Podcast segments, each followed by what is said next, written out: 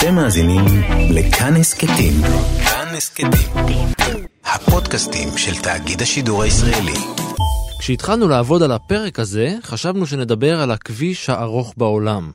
אבל, כפי שתכף תשמעו, הסיפור הרבה יותר ארוך ומפותל. On the road again. Just can't wait to get on the road again. הדרך הכלל אמריקאית היא מערכת של כבישים ודרכים שנמתחת לאורך 30 אלף קילומטרים בשתי יבשות אמריקה. היא עוברת במקביל לקו החוף של האוקיינוס השקט וחוצה כמעט את כל המדינות שבאמריקות הצפונית, התיכונה והמרכזית. ספר השיאים של גינס מגדיר את הדרך הזאת ככביש הארוך ביותר בעולם שניתן לנסוע בו ברכב ממונע. אלא ש-106 קילומטרים ביערות הגשם מונעים מהכביש מלחבר פיזית את שתי האמריקות. כלי רכב שרוצים לעבור את המרווח הזה בין אמריקה התיכונה ואמריקה הדרומית צריכים לעשות את זה דרך הים. אותם 106 קילומטרים נקראים מרווח דריאן, Darien Gap, מעבר ימי יער והרים ששוכנים בצפון קולומביה ופנמה. סלילת כביש באזורים הללו יקרה ולא פשוטה, ומאז שנות ה-70 לא הצליחו הכוחות הפוליטיים להגיע להסכמה בנוגע לחיבור הפיזי בין כל החלקים של חצי הכדור המערבי.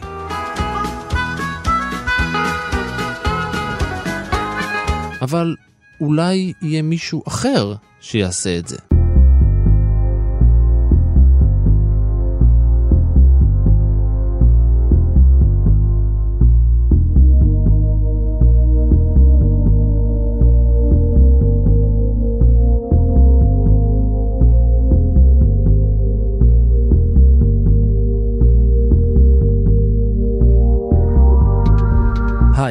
אני רן מנהר ואתם על מנהר הזמן.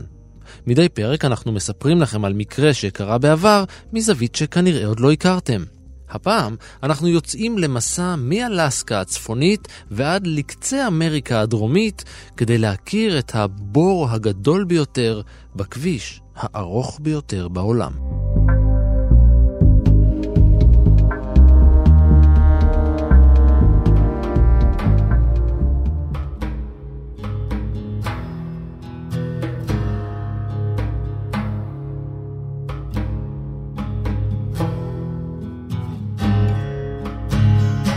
מדענים אספו נתונים ובחנו אותם והגיעו למסקנה כי בעוד 250 מיליון שנה היבשות שמבצבצות ממי האוקיינוסים בכדור הארץ שוב התאחדו ליבשת על אחת אדירה.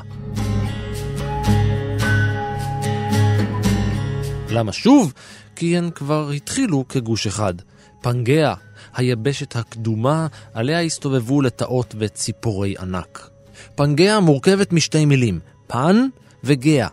פן היא תחילית שמשמעותה הכל או כולל. גאה היא גאיה, אלת האדמה, הארץ עצמה. פנגאה היא כלל האדמה, הארץ שהיא הכל.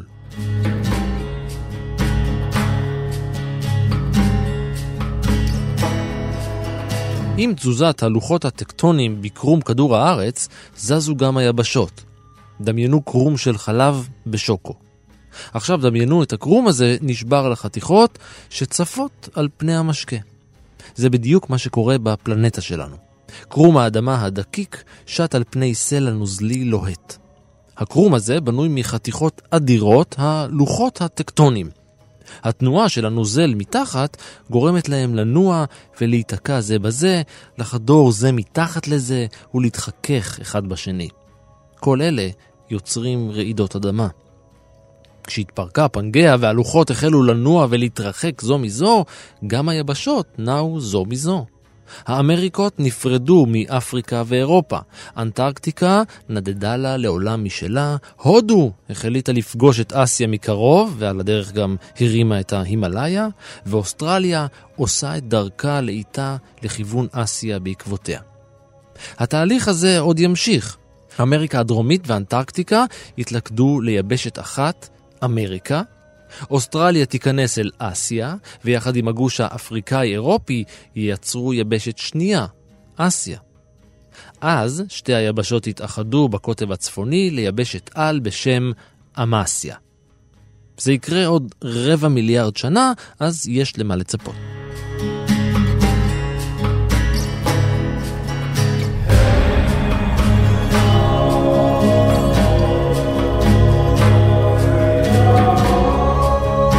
למרות שהן ממשיכות לזוז לאט, בינתיים נראה, רק נראה, שהיבשות נמצאות במקומן הנוכחי כבר שנים. על הפער הימי בין האדמות גישרו לאורך ההיסטוריה גשרים רבים, חלקם פיזיים, כמו הגשר היבשתי בין אסיה ואמריקה שהיה קיים עד סוף עידן הקרח האחרון, וחלק מעשי ידי אדם, כמו פיתוח המסע הימי בספינות.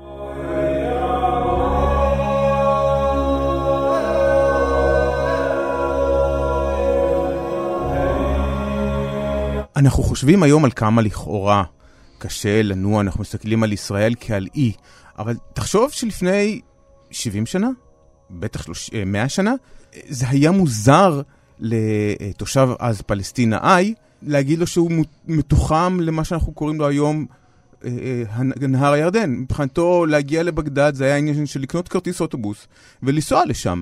זהו דוקטור בן ציון טלפוס, חוקר המלחמה בסמים במדיניות החוץ האמריקאית ויחסי ארצות הברית ואמריקה הלטינית. ואני כותב על זה בבלוג שלי שנקרא אה, עשבים שוטים, שעוסק בסמים, פוליטיקה ומה שביניהם.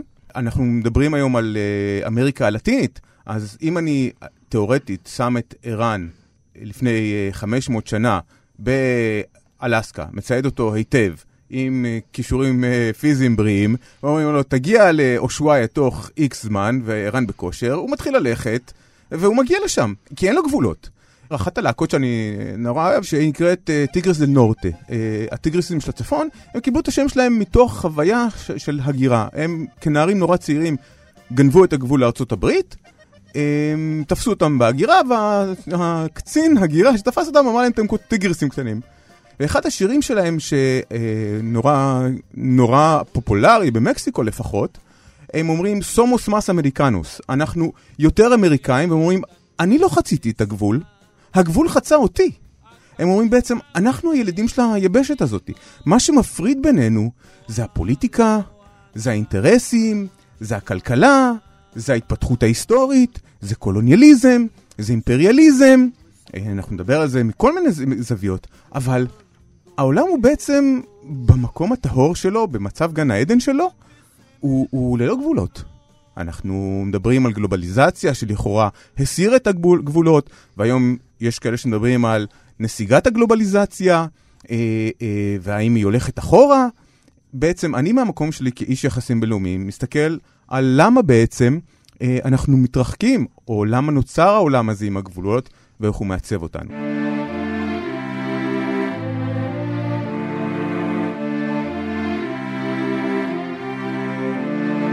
נראה שהמחסור הימי בין היבשות היווה אתגר לאדם מאז ומתמיד. כשאדם עומד מול הים, נראה שצריך נס כדי לעבור אותו. ג'יימס בליין רצה לעשות גשר מסוג אחר.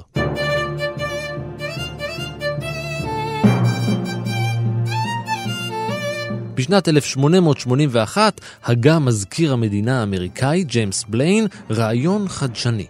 כיוון שכולנו חיים באותן שתי היבשות החדשות, למה שלא נארגן מפגש של כל השכנים?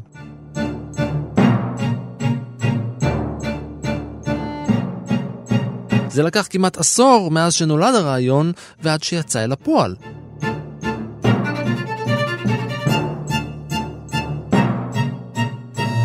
בליין, שגם רץ לנשיאות ארצות הברית ב-1884 והפסיד, אך בקושי, לנשיא קליבלנד, הוקסם מהרעיון של איחוד חצי הכדור המערבי, וחשב שארצות הברית צריכה להפגין את מנהיגותה ולהוביל ועידה של כל המדינות בעולם המערבי. הוא האמין שלאומות העולם החדש יש תפקיד מנהיגותי כמגדלור של תקווה וקדמה, בניגוד למלחמות של העולם הישן. בליין שלח הזמנות לכל המדינות באמריקות להגיע לוושינגטון בנובמבר 1881. המטרה? מציאת שיטות למניעת מלחמות. אבל ב-19 בספטמבר נרצח הנשיא גרפילד והוחלף על ידי צ'סטר ארתור. בליין הוחלף במשרד החוץ.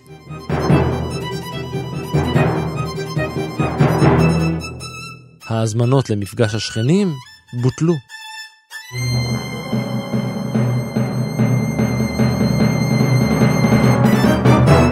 בליין לא ויתר והקים לובי לוועידה הבין-אמריקאית וחיבר את המצב הביטחוני בין המדינות לקשרי המסחר ביניהן. למרות שזה לא ממש שכנע את אה, ממשלו של צ'סטר ארתור ולא את זה של קליבלנד שבא אחריו, אנשי עסקים רבים תמכו ברעיון. וכיוון שהיו אנשי עסקים בעלי השפעה רבה, הם שידלו את הקונגרס לאמץ את ההחלטה שדחקה בנשיא קליבלנד לקיים את הוועידה. אבל אחרי תום תקופת כהונתו. הנשיא הבא, בנג'מין הריסון, החזיר את בליין לתפקיד מזכיר המדינה ועודד אותו להתקדם עם הוועידה. וכך, ב-20 בינואר 1890 התכנסה לראשונה בוושינגטון די.סי הוועידה הבינלאומית הראשונה של מדינות אמריקה. במשך שבוע דיסקסו הנציגים מהמדינות השונות ענייני ביטחון, גבולות, הנהגה, ריבונות, מסחר ומכס. הם הסכימו להיפגש פעם בשנה והקימו מזכירות קבועה.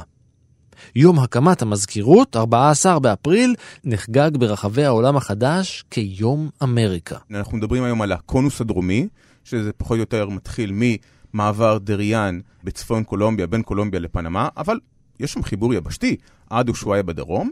אנחנו מדברים היום על המרחב המרכז אמריקאי, שלמעשה גיאוגרפית יגידו שהוא מגיע עד דרום מקסיקו, עד אזור מדינת אה, צ'יאפס, פחות או יותר בגבול עם וואחקה, וכמובן אמריקה הצפונית. אבל גיאוגרפית אין באמת הבדל בין היבשות, יש הבדלים אקלימיים, טופוגרפיים, עצומים, מגוון, אבל ההבדלים שנוצרו הם הבדלים פוליטיים, הבדלים היסטוריים בהתפתחות שלהם. האיחוד הזה שאתה מדבר עליו, השורשים שלהם הרבה יותר מוקדמים. השורשים שלו הם גם תוצר של אילוצים פוליטיים, ובעיקר אילוצים ביטחוניים. ההוגים הראשונים שלו הם גם אנגלו-סקסים, אנחנו מדברים על הנשיא ג'פרסון ואחד מהמזכירי מדינה הראשונים, אה, אה, קליי, ובצד הלטיני על מהמשחררים הגדולים, על אה, אה, חוסה דה סן מרטין ועל כמובן בוליבר. אבל לכל אחד יש חזון כזה ש, שאנחנו נקרא לו, או מכונה, הפן-אמריקניזם. בתמצית שלו הרעיון אומר דבר אה, אה, לכאורה נורא פשוט.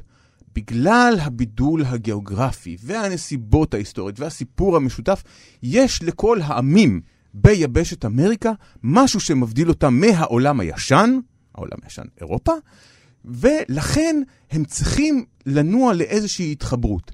יש שלוקחים את זה, יותר האנגלוסקסים כמובן, או ארצות הברית הצעירה דאז, למקום של איזשהו חיבור של כלכלה, מסחר, אוריינטציה, הסכמים מסוימים, שיתוף פעולה ביטחוני נורא מוגבל, לבין ה... לפחות בתחילה, עד שהחזון מתחיל להישבר, בוליבר, שרואה לפחות לגבי אמריקה הלטינית, איזשהו חזון של אומה גדולה, מאוחרת, שאין באמת מה שמפריד בין העמים שלה. כשאתה מסתכל על הדרך, תחילת דרכה של לפחות אמריקה הלטינית, אתה רואה לא את אוסף ריבוי המדינות שיש שם, אלא אתה רואה פדרציות או איחודים נורא גדולים. אל גרן קולומביה, שזה אקוודור ופרו וקולומביה וונצואלה ופנמה.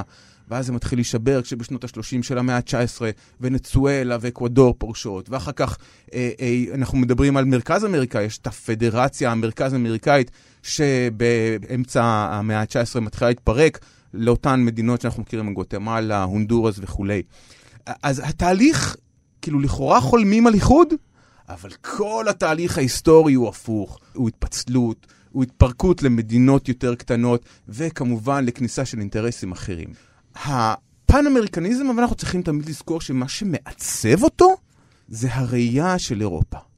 ארצות הברית, מעצמה צעירה, עוד לא יכולה להגיע למקום שאתה מדבר עליו, של סוף המאה ה-19, שהיא כבר משחררת, מגרשת את כל המעצמות הזרות, את, את ספרד, האחרונה שהיא מגרשת מהאזור, והופכת בעצמה למעצמה עולמית. וגם המדינות החדשות, הצעירות, דאגות נורא מזה שספרד תנסה שוב פעם להשתלט, שבריטניה ת, תבוא מצדה של הברית ותשפיע.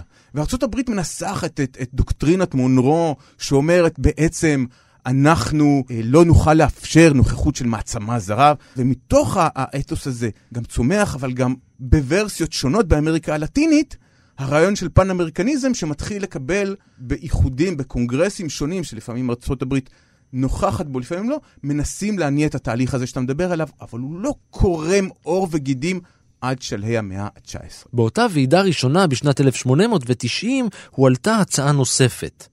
אם אנחנו כבר מתחילים לחיות בהרמוניה, לסחור זה עם זה בכיף, אז למה שלא נחבר את כל המדינות ביבשת ברכבת? אחלה רעיון, לא? זה לא ממש משנה, הרעיון מעולם לא מומש, כי בוועידה החמישית בשנת 1923 עלתה הצעה אחרת. אותו רעיון, אבל בלי רכבת, אלא עם כביש. כל אחת מהמדינות הלכה הביתה לחשוב על זה. שנתיים לאחר מכן, בוועידה של שנת 25, חזרו הנציגים והתחילו לדון בנושא ביחד.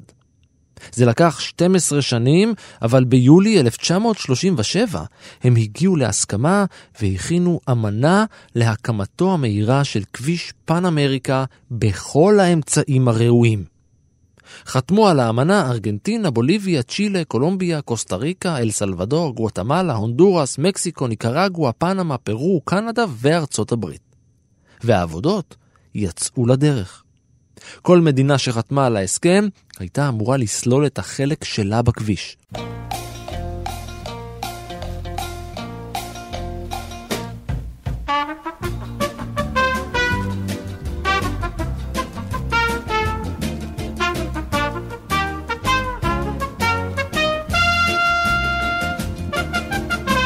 בשנת 1950 הפכה מקסיקו למדינה הראשונה באמריקה הלטינית שהשלימה את חלקה בסלילת הכביש.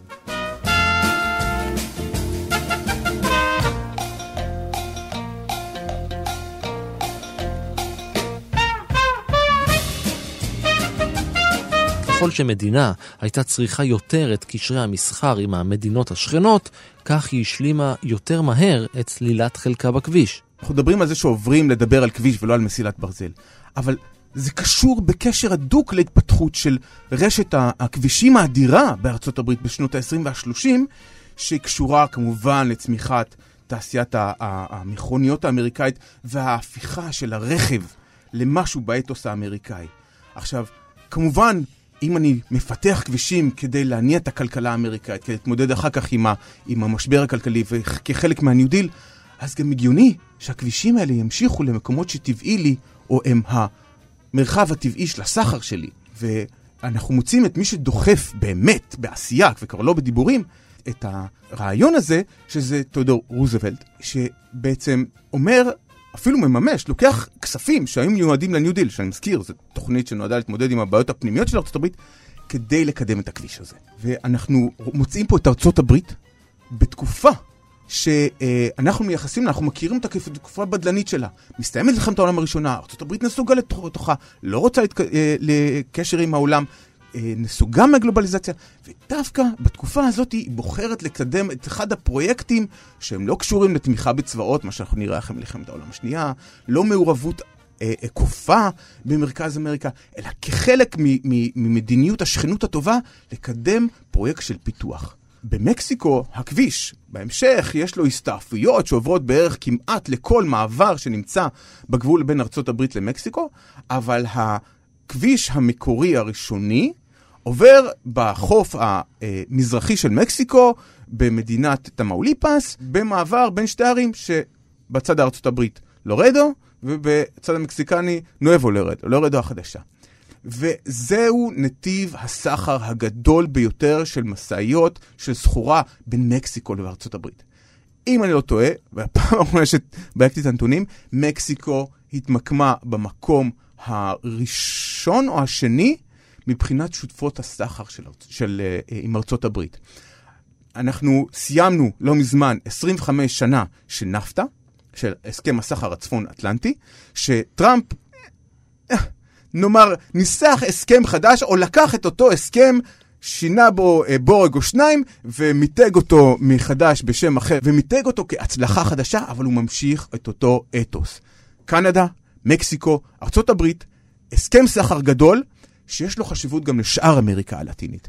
כי הסכם הסחר הזה הוא הגולת כותרת שכולם רוצים אליו, בין אם זה הנפטה או קודם. הוא ההסכם שמאפשר לארצות הברית, לצד עוד כלים אחרים בארסנל שיש לה, אבל הכוח הכלכלי שהיה לה למשוך אליה את כל המדינות. באמצעות הסכם הסחר הזה, היא מניעה את קולומביה להיאבק במלחמה בסמים, כי בשנות ה-90 ובתחילת שנות ה-2000, מה שקולומביה רוצה זה להיות לא סתם שותפת סחר מינורית, היא רוצה להיות חלק מהסכם הסחר הזה, ובאמצעות זה הברית דוחפת לשם את הקולומביאנים. טראמפ מדבר הרבה על חומה, שהוא יבנה חומה בגבול הדרומי, הוא בינינו בונה איזה משהו די מקורקש. החומה האמיתית שהוא הצליח לבנות, וזה צריך, מי שמאמין בזה, היא מקסיקו עצמה בגבול הדרומי שלה. הוא הצליח לכפות על הנשיא המקסיקני החדש, ובעצם לשלוח את הצבא המקסיקני, או את המשמר הלאומי החדש שהוא בנה, לא להיאבק בקרטלי הסמים, שזה מה הביקורת הגדולה שיש עכשיו, אלא להיאבק לעצור את ההגירה. וכנ"ל הוא עשה אה, דברים דומים עם מדינות מרכז אמריקה, כפה עליהם אה, לחתום על הסכמים של גירוש מהגרים לתחומים שלהם, אה, עשה את זה עם גואטמלה, עשה את זה עם הונדורס, עשה את זה עם אל סלבדור. זה הכוח שנותן לארצות הברית, זה החשיבות.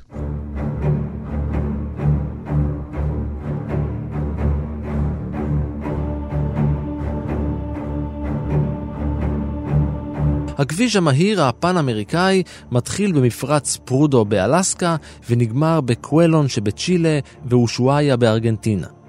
זוהי הדרך היבשתית המהירה ביותר להגיע אל ארץ האש, הלא היא פטגוניה שבקצה היבשת הדרומית. אלסקה היא בעצם מה שכולם היו חולמים לעשות בתל אביב בסוף שנות ה-80. לקנות בזול ולגלות אחרי איקס זמן שבעצם קיבלת את הבוננזה הגדולה ביותר. והחשיבות של אלסקה היא בקרבה שלה, בעיקר אם אנחנו מדברים על שינוי האקלים, לאפשרות שכל נתיבי הסחר הצפוניים, אנחנו נוטים להסתכל על כדור הארץ מה, מהזווית שלנו ב, ברדיוס המזרח תיכוני או בקו המשווה, אבל אם נסתכל עליו מלמעלה ונדמיין שבעוד 10 ו-20 שנה יתחילו להפשיר שם עוד ועוד קרחונים וכיפת הקרח תפשיר, החשיבות של אלסקה, לא רק מבחינה כלכלית של הגעה למחצבים ו- וקריאה אלא גם האפשרות של תנועה נורא קרובה, לאחת היריבות המשמעותיות של ארצות הברית לרוסיה. הכביש עובר דרך קנדה וארצות הברית בצפון. זו הנקודה המעניינת שלדעתי מסמלת את הדואלית של הכביש. אנחנו קוראים לו הכביש הפן-אמריקאי. חלק מהמדינות, אה, במקסיקו אם אני לא טועה, ובקולומביה, אה, כן קוראים, באקוודור קוראים לו לערוצים, לנתיבים מסוימים ממנו קוראים לו הכביש הפן-אמריקאי, או בשמות שמשלחים אותו לשם, אבל מה שמעיד יותר מהכל לדעתי על הניתוק, הוא שמגבול מקסיקו, ארצות הברית, צפונה, אין שום התייחסות רשמית לזה. יש אלף ואחד interstates בארצות הברית שאתה יכול לשייך אותם כמובילים מנקודות החצייה במקסיקו אל הגבול הקנדי ואל אלסקה, אבל אתה לא, אתה לא תמצא אה, אזכור רשמי במסמכים אמריקאים שאומרים, זה חלקנו בכביש הפן-אמריקאי. זה הקטע שאנחנו סללנו עבור החזון הזה. לא. זה אינטרסטייט ארצות הברית. זה נעצר בגבול עם מקסיקו, ומה שקורה משם ומטה, זה העניין שלהם. הכביש ממשיך דרך מקסיקו במרכז. הכביש עצמו לא נדרש למקסיקו. מקסיקו, נאמר, מתחילת שנות ה-90, יוצאת מההסתייגות שלה מהשכנה מצפון שתמיד מאיימת עליה. מקסיקו רוצה לנוע למקום של כמובן של הסכם הסחר עם ארצות הברית, והאוריינטציה שלה היא, היא, היא לצפון. יש לה את היחסים שלה הנורא מורכבים עם מדינות אמריקה הלטינית, מהתקופה שהיא עדיין, יש טוענים שהיום מנסה לחזור לזה, למציאות של אה, אה, התערבות. של מקסיקו כמעין מדינת אה, אה, חיץ, buffer state עבור ארצות הברית, שממתנת את כל ההשפעות. או מעצימה אותם, את סחר הסמים, את ההגירה, אה, אה, היא זאת שמאפשרת לפעמים למהגרים ממדינות החלשות, ממדינות המשולש הצפוני, גוטמלה, הונדורס, אל סלבדור, לפעמים להגיע ולעבוד במקסיקו, לא להגיע עד ארצות הברית עצמה. הכביש עצמו איננו חיוני, הייתי אומר, נורא למקסיקו. כביש פן אמריקה ממשיך, קחו אוויר. בגואטמלה, אל סלבדור, הונדורס, ניקרגואה, קוסטה ריקה, פנמה, קולומביה, אקוודור, פרו, צ'ילה, ארגנטינה, בוליביה, ברזיל, פרגוואי ואורוגוואי. אני חושב שאנחנו מייחסים לכביש יותר משקל משאנחנו רוצים. כלומר, אנחנו חושבים שאם הכביש כולו יהיה מאוחד, אז כל הבעיות של אמריקה הלטינית ייפתרו. הכביש הוא לא המזור לבעיות שלה. הבעיות של אמריקה לא תלויות בכביש. התנועה בין המדינות אינה תלויה בכביש. היא תלויה להיסטוריה של חיכוכים, היא, תלויה, היא קשורה למשטרים מושחתים, להיעדר של מוסדות דמוקרטיים, לכלכלות לא, לא מפותחות, לפערים עצומים בין עשירים ועניים. כל אלו הם נטל הרבה יותר כבד על מדינות מרכז ודרום אמריקה, מאשר האם הכביש מספיק סלול או לא מספיק סלול. למרות שיש בו עדיין רווח בלתי מגושר, ועוד רגע נגיע אליו, הכביש הפן-אמריקאי חיבר את שתי היבשות, אבל לא את כל העולם.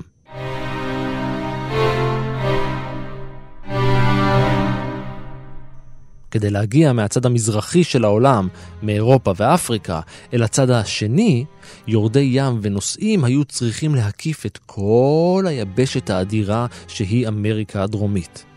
כמו היום, גם אז לא הייתה אף דרך לעבור עם אונייה את היבשה. אחת הפעמים הראשונות שמישהו עשה את זה הייתה בשנת 1519. כשהגיע מגלה הארצות האירופי פרנאו דה מגלן אל המיצרים שבקצה היבשת, הוא גילה שם אנשים גבוהים. הגובה הממוצע אז באירופה היה קצת יותר ממטר וחצי, ובקצה העולם האנשים היו בגובה של מטר ושמונים. מגלן הפורטוגזי קרא למקום פטגוניה, ארץ בעלי כפות הרגליים הגדולות. כשהצליח לחצות את המיצרים המורכבים ממזרח למערב, דרך האוקיינוס האטלנטי הסוער בדרום, דרך סלעים, דרך צוקים, דרך קור אימתני, הוא הגיע בבת אחת אל ים אדיר ורגוע. הוא נתן לו שם פורטוגזי משלו, הים השקט, אוקיאנו פסיפיקו.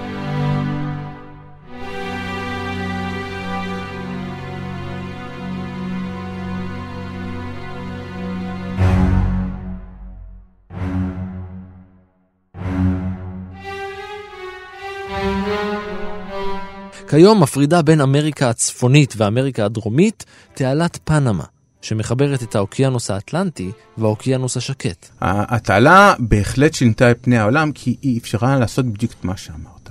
כל מי שרוצה לסחור עם שני צד, צדדיה של ארצות הברית, לא צריך לעשות את כל המסע הארוך והמסוכן הזה.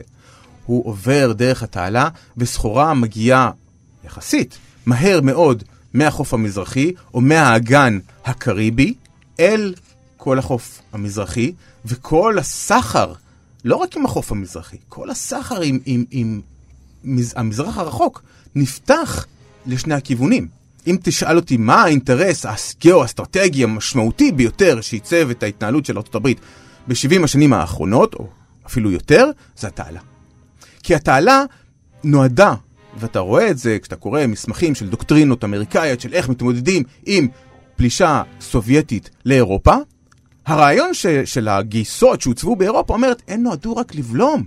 הן נועדו להרוויח לנו את השבועות האלה, עד שאנחנו מוציאים את הצי מהנמלים בחוף הטקסני ומהנמלים בסן דייגו, ומניעים אותם דרך התעלה לאירופה.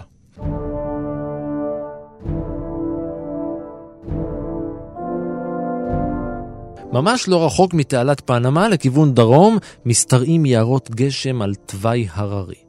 עם גבעות בגובה 60 מטרים ועמקים בגובה של כמעט 2 קילומטרים.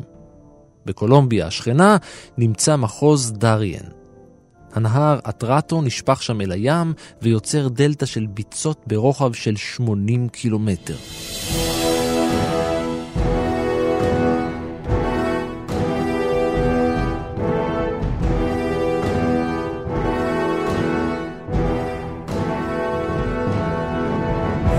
זהו החלק הצר ביותר בין שתי האמריקות, ודווקא הוא החלק שהכי קשה לגישור ביניהן. כמו בעבר, לפני בואם של האירופים ליבשת, גם כיום נוהגים המקומיים להתנייד במקום באמצעות סירות קנו מיוחדות. אם זה נשמע לכם כמו אזור שכוח אל שהשפעתו על העולם היא אפסית, תחשבו שוב. בשנת 1698, ניסתה סקוטלנד להתיישב במקום. תוכנית דריאן הייתה הניסיון היחיד של סקוטלנד להצטרף אל המועדון הקולוניאליסטי.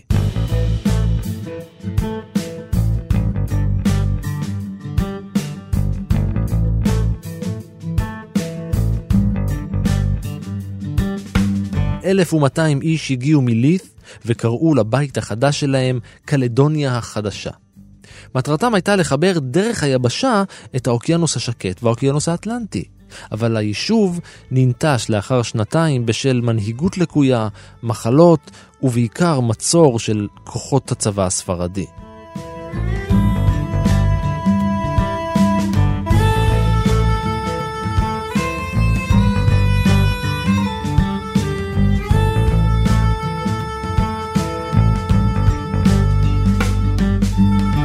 ולהרפתקה הקצרה של סקוטלנד באזור דריאן היה תוצר לוואי היסטורי, הממלכה הבריטית המאוחדת.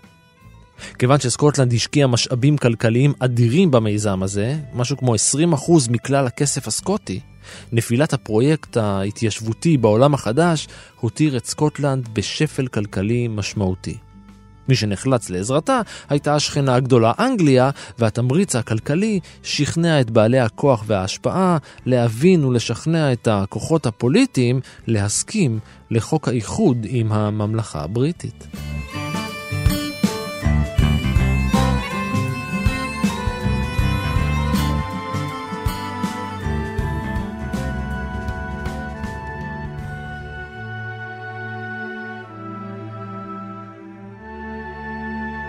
הדרך הכלל-אמריקאית נקטעת בין פנמה וקולומביה וממשיכה אחרי קצת יותר מ-100 קילומטר של ביצות, נהרות ויערות.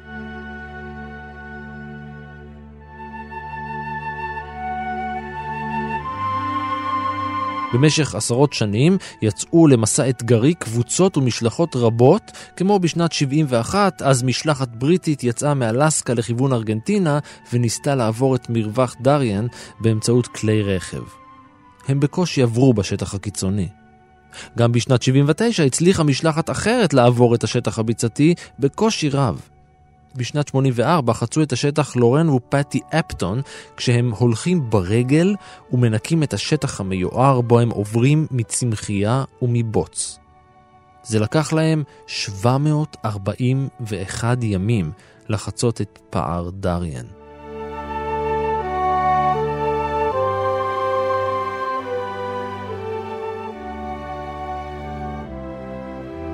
ואם תנאי השטח לא מספיקים, גם התנאים האנושיים מזעזעים.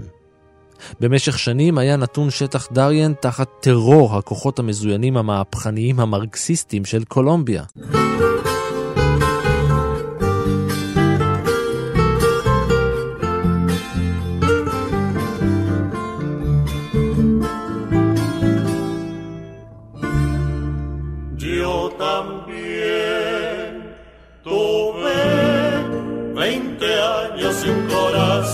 המחתרות הגדולות בקולומביה, אה, שהשורשים שלה נעוצים בתקופת הוויולנסיה, האלימות של אה, אה, אמצע המאה ה-20, שבה סביב מחלוקות על חלוקת אדמות ופערי שוויון, בעצם תנועה של איכרים או מקומיים מתארגנת כדי להתעמת נגד המדינה, וכמובן מאמצת אידיאולוגיה או אג'נדה מרקסיסטית. שמאלית.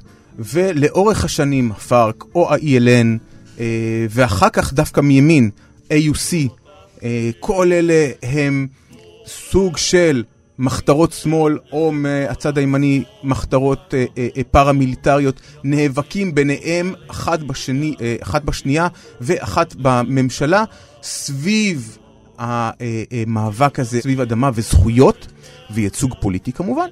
וב-2000 2016 נחתם סוף סוף הסכם שלום, שהפארק מסכים להתפרק מנשקו, ללכת למה שנקרא פיוס לאומי, לתהליך של אה, כניסה למערכת הפוליטית. במהלך ההתקוממות המורדים רצחו, חטפו בני אדם והפרו זכויות אדם באין מפריע משני צידי הגבול עם פנמה.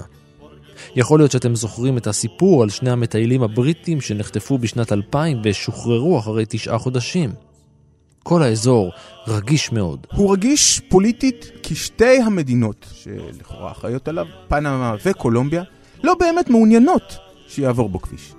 אה, הוא רגיש פוליטית כי הוא אה, נכס מורשת עולמי של אונסקו, ובאמת יש התנגדות גדולה משני צידי המדינות לפגיעה באקוסיסטם הזה. כך נעלמו בשנת 93 שלושה מיסיונרים שהיו בדרכם לשבטים במקום. ב-2003 עוכבו למשך שבוע עיתונאי ה-National Geographic ושני מלוויו, ובשנת 2013 נרצח תרמילאי שוודי כי נחשד בטעות כמרגל. אבל היום בקולומביה השלום הזה על כרעי תרנגולות, ומי שעקב או לא עקב, אה, בשבועות ובחודשים האחרונים קולומביה נמצאת במחאות שונות על גל של אה, אה, נושאים שונים, מחאות על היבטים של כלכלה והתנהלות הממשל, וגם חוסר ההגנה שלו על פעילים שמאליים ועל פעילי פארק שהתפרקו מנשקם.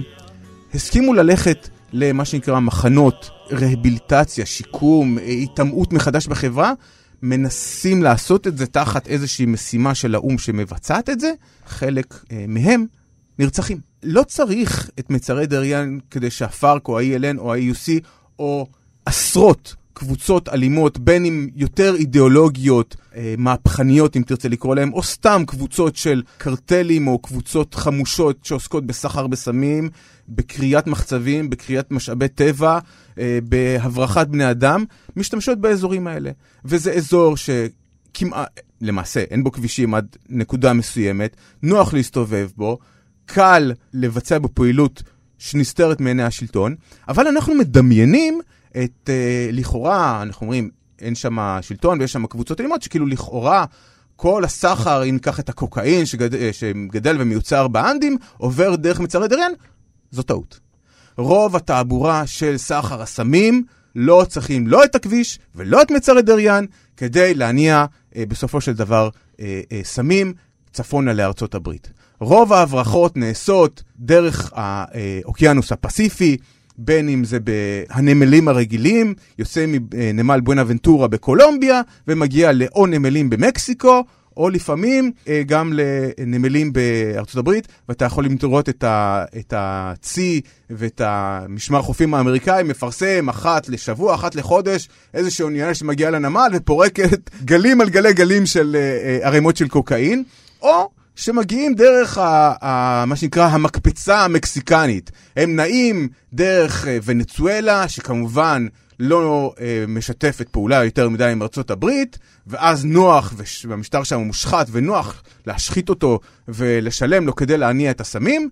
דרך ונצואלה, מטיסים מטוס לרפובליקה הדומיניקנית, חומקים ממערכות המקם הקולומביאניות והאמריקאיות שפזורות באזור, ומהרפובליקה הדומיניקנית להונדורס, שגם היא מדינה מושחתת שקל מאוד להחדיר לתוכה איזה ססנה קטנה עם 800 קילו או טונה של קוקאין, ומשם דרך הקרטלים המקומיים, אם אתה כבר רוצה לחזור לכביש הפן האמריקאי או למרכז אמריקה והכל, אל המשפך הענק הזה שנקראת מקסיקו, ש... מתחילה צר, אבל מתרחבת לתוך הגבול עם ארצות הברית, ושם הדרך, אגב, לא דרך הגבול, לא דרך החומה, דרך מעברי הגבול הרשמיים, עוברת כל הסחורה צפונה, וחשוב להזכיר שבאותה מידה שעוברת סחורה לא חוקית צפונה, עוברת סחורה לא חוקית אחרת, קטלנית כנראה הרבה יותר דרומה, וזה נשק שרובו אה, מקורו בארצות הברית, שמגיע לידי קרטלים וקבוצות אלימות במקסיקו, במרכז אמריקה ואף דרומה, וזורעת שמה אה, הרג בעשרות ומאות אלפים.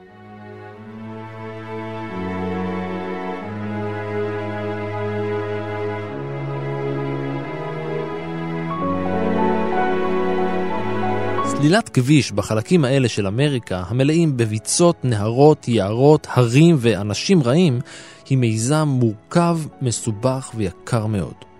במשך עשרות שנים נערכו כמה וכמה ניסיונות לגשר על החלק הזה בכביש הפן-אמריקאי. בשנת 71, במימון אמריקאי, החלו לתכנן את החיבור, אבל זה הופסק בשל החשש כי החיבור יהפוך לחיסור והנזק לסביבה יהיה בלתי הפיך. כך קרה גם בשנות ה-90. הסיבות להתנגדות כוללות שמירה על יערות הגשם, מניעת התפשטות של מחלות טרופיות, שמירה על פרנסתם של עמים ילידים באזור, מניעת סחר בסמים ואלימות. לטעמי הסיבה העיקרית היא שפשוט אין עניין. וזו אולי הנקודה המשמעותית כשאנחנו מסתכלים על הכביש ועל הדימוי שלו כמה שיחבר את כל אמריקה. אין עניין. לקולומביה אין עניין אה, לחבר את הכביש לפנמה. העלות מול התועלת שתצמח מהחיבור הזה היא מיותרת. אתה יכול לראות את זה מזה שאפשר לעקוף את, את העניין הקטן של סלילת הכביש על היבשה. אם היית לוקח את הכביש בקטע הפנמי שלו, מסיט אותו מזרחה אל, ה, אל החוף של מפרץ דריאן, לאחת העיירות שנמצאות שם, משיט מעבורת, סך הכל 50 קילומטר, זה לא משהו דרמטי, אל אה, אה, החוף הקולומביאני, וממשיך עם הכביש דרומה. בשנות ה-90, אחת הדרכים לגשר על הפער הייתה להשתמש בשירות מעבורות בין קולומביה ופנמה, שירות שהופסק בשנת 97. העובדה היא ש- שזה קיים וזה הופסק, כנראה מדברת הרבה יותר על, על רמת העניין. החל משנת 2013, תוואי החוף בצד המזרחי הפך בטוח יחסית. כל נתיבי היבשה דרך דריאן נותרו מסוכנים ביותר. ושוב אנחנו חוזרים רגע, רגע, רגע לארצות הברית. פנמה לא מסתכלת יותר מדי דרומה. פנמה מסתכלת צפונה, והיא מסתכלת מזרחה ומערבה. קולומביה, יחסית כלכלה סגורה, שואפת אמנם להגיע לארצות הברית, אבל היא לא צריכה את הכביש בשביל זה. היא צריכה את הנמלים שיש לה בחוף הקריבית, קרטחנה, או את הנמלים שיש לה בחוף ה- ה- ה- של האוקיינוס השקט, את בואנבנטורה, ואלה מספיקים לה. הכביש לא יתרום לה רבות. הכביש הוא יותר סמל מאשר עורק תחבורה חיוני כיום אה, לחצי הכדור המערבי. הוא, הוא סמל ל, ליחסים המורכבים, הדואליים של אה, אמריקה אה, הלטינית וארצות הברית. יותר משהו פרויקט הנדסי מרשים, או אנקדוטה בספרי גינס על הכביש הארוך ביותר, הוא ביטוי לגישה הצינית והתלתנית של ארה"ב לכל מה שקשור לגלובליזציה, להגירה, למסחר חופ, חופשי ולאינטרסים ביטחוניים. הכביש הוא סמל ליבשת מקוטעת יותר במובן הכלכלי, הפוליטי, התרבותי, החברתי שלה, ו- ולחוסר היכולת להגשים את התפיסה או את הרעיון שהוליד אותו, שזה הפן-אמריקניזם. אין באמת איזשהו חיבור שהוא יותר מאשר פיזי.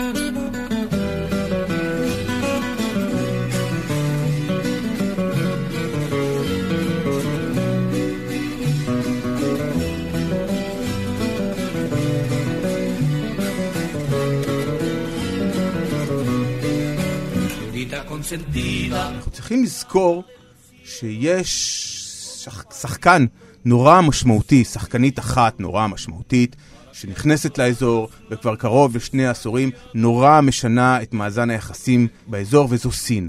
אם בהשקעות, אם במתן של הלוואות, וכמובן בבנייה של תשתיות. ופה יש אולי משהו אירוני כי אם סין תרצה למשל להגשים את הפנטזיות, הרעיונות הגדולים שיש לה, למשל, לקרות עוד, אם דיברנו על תעלת פנמה, לקרות עוד תעלת פנמה, אבל בניקרגואה. והיא תחליט שהיא רוצה להניע סחורה יבשתית מדרום אמריקה או ממרכז אמריקה, לא, לנמלים שיקומו סביב אותה תעלה חדשה בניקרגואה.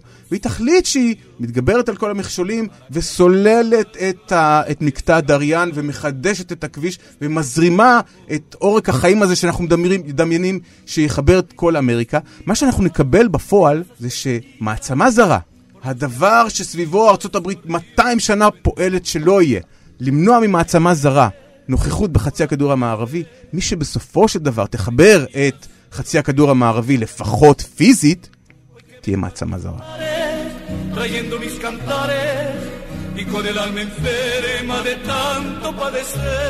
ועד כאן מנהר הזמן להפעם. תודה לבן ציון טלפוס, תודה גם לאור מנהר שסלל את דרכו והיה על ההפקה, ולניר גורלי שפרץ נתיבים והיה על העריכה. תודה גם ליאיר בן מנחם שהציע את הרעיון לפרק בטוויטר.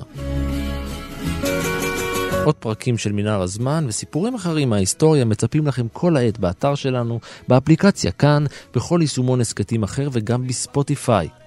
אתם מוזמנים, כמו יאיר, לעקוב אחריי ברשתות החברתיות, בפייסבוק ובטוויטר, להגיב, להציע רעיונות, ובעיקר להתחבר.